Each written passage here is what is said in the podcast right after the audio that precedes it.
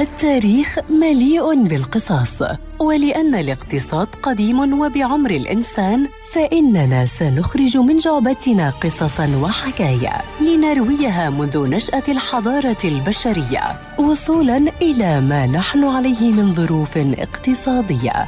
في بودكاست تاريخ الاقتصاد مع المدون الاقتصادي مجد النوري عبر إذاعة أجيال ومنصاتها المختلفة.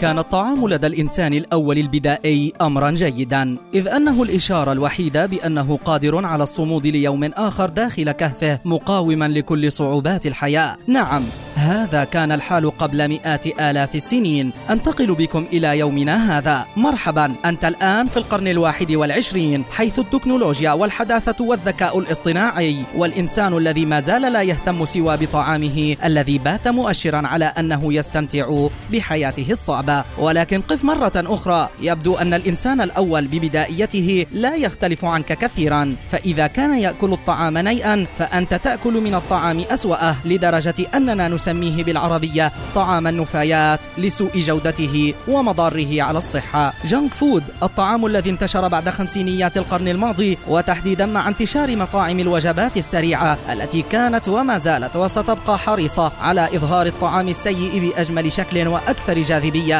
ومع التطور والحداثة انتقل الأمر إلى استخدام وسائل التواصل الاجتماعي الذي حولك لتكون أنت من يشاهدها لسلعة تنقاد للتجربة. فتقع ضحية إدمان السعادة نتيجة السكريات والنكهات المصنعة والمسرطنة. لماذا كل هذا يا عزيزي؟ نعم ببساطة للحفاظ على سوق يزيد قيمته عن نصف تريليون دولار أمريكي ويقترب بسرعة كبيرة من أن يصبح بحجم دولة نفطية كالسعودية.